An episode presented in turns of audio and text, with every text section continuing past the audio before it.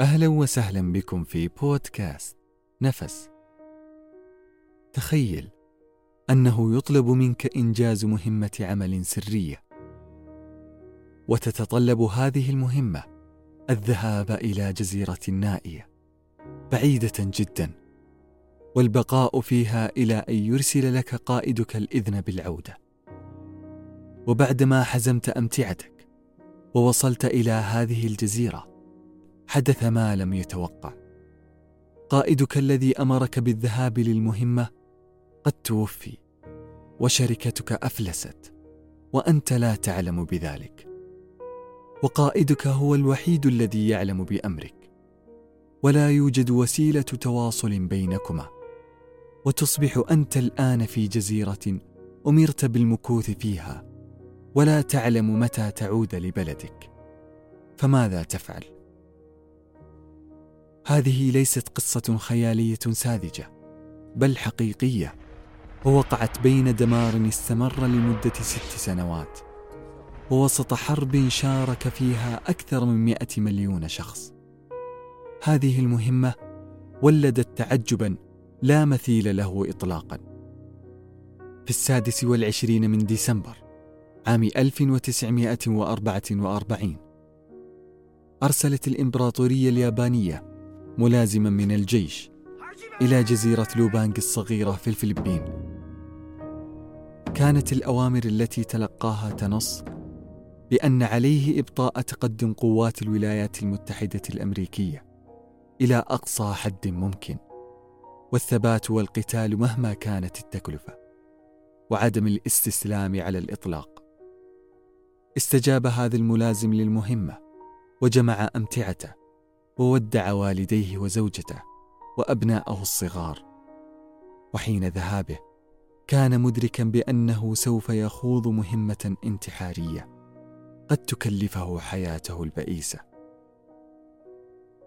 كان غذاؤه في الجزيرة بشكل أساسي من الأرز وثمار جوز الهند واللحوم من الماشية المسروقة من الفلاحين الفلبينيين. وفي شهر فبراير عام 1945 وصلت القوات الأمريكية إلى جزيرة لوبانغ الفلبينية وتعاركت مع القوات اليابانية إلى أن استولت على الجزيرة بقوة كاسحة فقتل واستسلم معظم الجنود اليابانيين باستثناء هذا الملازم وثلاثة من رجاله الذين نجحوا في الاختباء بين الأدغال. حيث أنهم تمكنوا من إطلاق النار على جنود القوات الأمريكية وإحراق مخيماتهم العسكرية وقطع خطوط إمدادهم. وبعد ستة أشهر من هذا العام وقعت حادثة تعتبر هي الأشد مأساة ودمارا في تاريخ البشرية.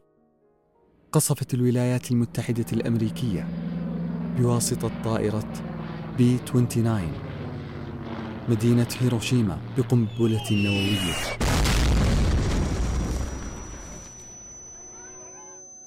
تحولت المدينة إلى سطوع أبيض يعمي النظر. قتل على إثرها أكثر من 140 ألف شخص. تدمرت اليابان كلياً. وخضعت للاستسلام لقوات الحلفاء. هذه الفاجعة جعلت آلاف الجنود اليابانيين مبعثرين في جزر كثيرة من المحيط الهادي. بلا توجيه من القيادات اليابانية التي تحطمت أركانها كان أكثرهم مختبئا بين الأدغال. لم يعرفوا بأن الحرب قد انتهت. لقد واصلوا القتال كما أمروا.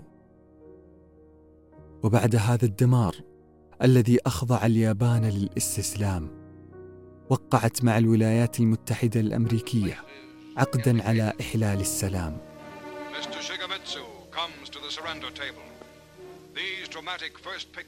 والتعاون على إعادة بناء اليابان بعد أن أصبحت الأرض غير صالحة للعيش بسبب الإشعاعات النووية الخطيرة. فمن أنواع التعاون إطلاق آلاف المنشورات في منطقة المحيط الهادي. معلنة فيها للجنود أن الحرب قد انتهت وحان الوقت لكي يعود كل جندي إلى وطنه. عثر صاحبنا الملازم ورجاله على بعض تلك المنشورات. إلا أنه توقع أنها خدعة وأنها فخ تنصبه القوات الأمريكية. لجعل مقاتلي الإمبراطورية اليابانية يسلمون أنفسهم. أحرق هذا الملازم تلك المنشورات وظل مختبئا مع رجاله وتابعوا القتال.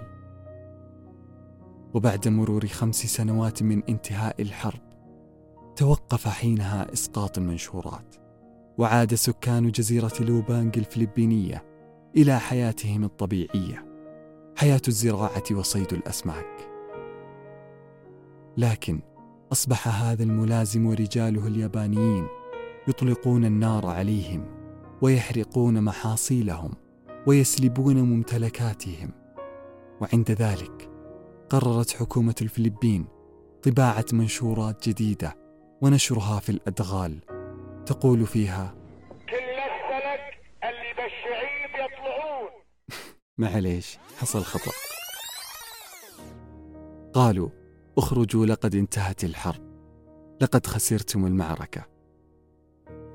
لكن هذا الملازم ورجاله مصرين على أنها فخ.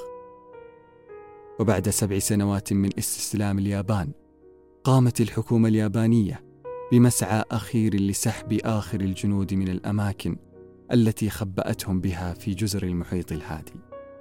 لكن في هذه المرة أرسلت إليهم عائلاتهم للبحث عنهم إضافة إلى رسالة شخصية من إمبراطور اليابان نفسه. فكان هذا الملازم ورجاله يعتقدون أن عائلاتهم يعيشون تحت تهديد وأنهم مجبرين على فعل ذلك من أجل النجاة. فتجاهلوا عائلاتهم وواصلوا القتال كما أمروا. وبعد سبعة وعشرين عاما من استسلام اليابان قتل كوزوكا. الذي هو آخر رفاق هذا الملازم أثناء ما كان يحرق محاصيل الأرز في الجزيرة. وأصبح هذا الملازم على إثرها وحيدا تائها في جزيرة نائية بلا هدف ولا دليل ولا صديق. نشرت حكومة اليابان هذا الخبر بعد أن تأكدت من مقتل كوزوكا. فسبب هذا الخبر ضجة كبيرة جدا في اليابان ومعظم دول العالم وتناقلت على إثرها وسائل الإعلام اليابانية طرح تساؤلا إذا كان كوزوكا قد ظل في جزيرة لوبانغ لمدة 27 عاما فهل تبقى جنود غيره على قيد الحياة؟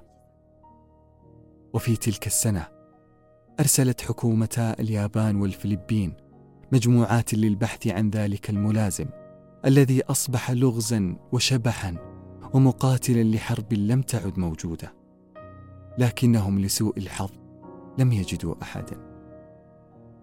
وفي هذه الفترة كان هنالك شابا مغامرا يحب الاستكشاف اسمه سوزوكي.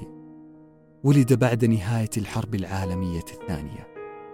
كان سوزوكي شخصا معجبا جدا ومتاثرا بقصة هذا الملازم الأسطورة حيث كان هدفه رؤية هذا المستحيل الذي يعيش بين أدغال الفلبين. سافر سوزوكي أعزلا من السلاح وبدون أن يتلقى التدريب على أعمال الاستطلاع والتكتيكات القتالية. إلى جزيرة لوبانغ وبدأ المغامرة في الأدغال وحيدا. كانت خطته سهلة يصرخ باسم هذا الملازم بصوت مرتفع ويقول له إن إمبراطور اليابان قلق عليه. والمفاجأة أنه بعد أربعة أيام فقط من البحث عثر على صاحبنا الملازم الذي رفض الاستسلام. وبعد أن تقصى الملازم وتحرى وتأكد من المعلومات ومن سوزوكي قرر أخيرا مغادرة هذه الجزيرة. عاد إلى اليابان في عام 1974 أي بعد 29 عاما من استسلام اليابان. مرتديا زيه الرسمي الرث الممزق وحاملا بندقيته التي في مخزونها مئة رصاصة من أجل أن يعلن الاستسلام ويضرب التحية للعلم الوطني الياباني. عند عودته أصبح هذا الملازم محط أنظار العالم أجمع. تتوافد عليه الحشود الكبيرة لاستقباله والاحتفاء به. حيث بدأت كل البرامج التلفزيونية والمحطات الإذاعية العالمية باستضافته وأصبح جميع القادة حريصون على مقابلته والحديث معه. لكن من هو هذا الذي أصبح آخر جندي في الحرب العالمية الثانية يعود لوطنه؟ إنه ضابط حرب العصابات في الجيش الإمبراطوري الياباني هيرو أونودا الذي أصبح بطلا قوميا يشار إليه بالبنان. بعد عودته قدم أونودا سيفه للرئيس الفلبيني في حركة تعبر عن استسلامه وصدر في حقه عفو رئاسي عن جرائمه الكثيرة التي ارتكبها ضد الفلبين. أسس أكاديمية تدعى بي اونودا للطبيعة وهو معسكر لتعليم الناس مهارات البقاء والصمود تحت جميع الظروف ألف كتابا شهيرا ترجم إلى العديد من اللغات بعنوان لا للاستسلام حصل اونودا على ميدالية الاستحقاق سانتوس من قبل القوات الجوية البرازيلية.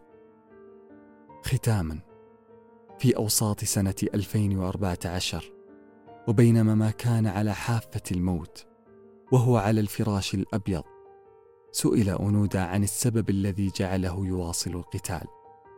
وهل يشعر بالندم على حياته؟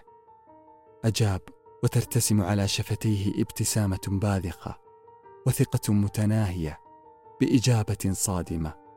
قال لا شيء يضاهي جمال أن تكون فخورا بنفسك فأنا فخور جدا بنفسي لأنني تلقيت أوامر من قائدي بعدم الاستسلام مهما كانت التكلفة ولم أستسلم. ولو عاد بي الزمن لفعلت كما فعلت. بعد وفاته نعتته الحكومة اليابانية بقولها سلام على روحه التي لا تقهر. إذن فالسؤال لكم لو كنتم مكان أنودا هل ستفعلون كما فعل؟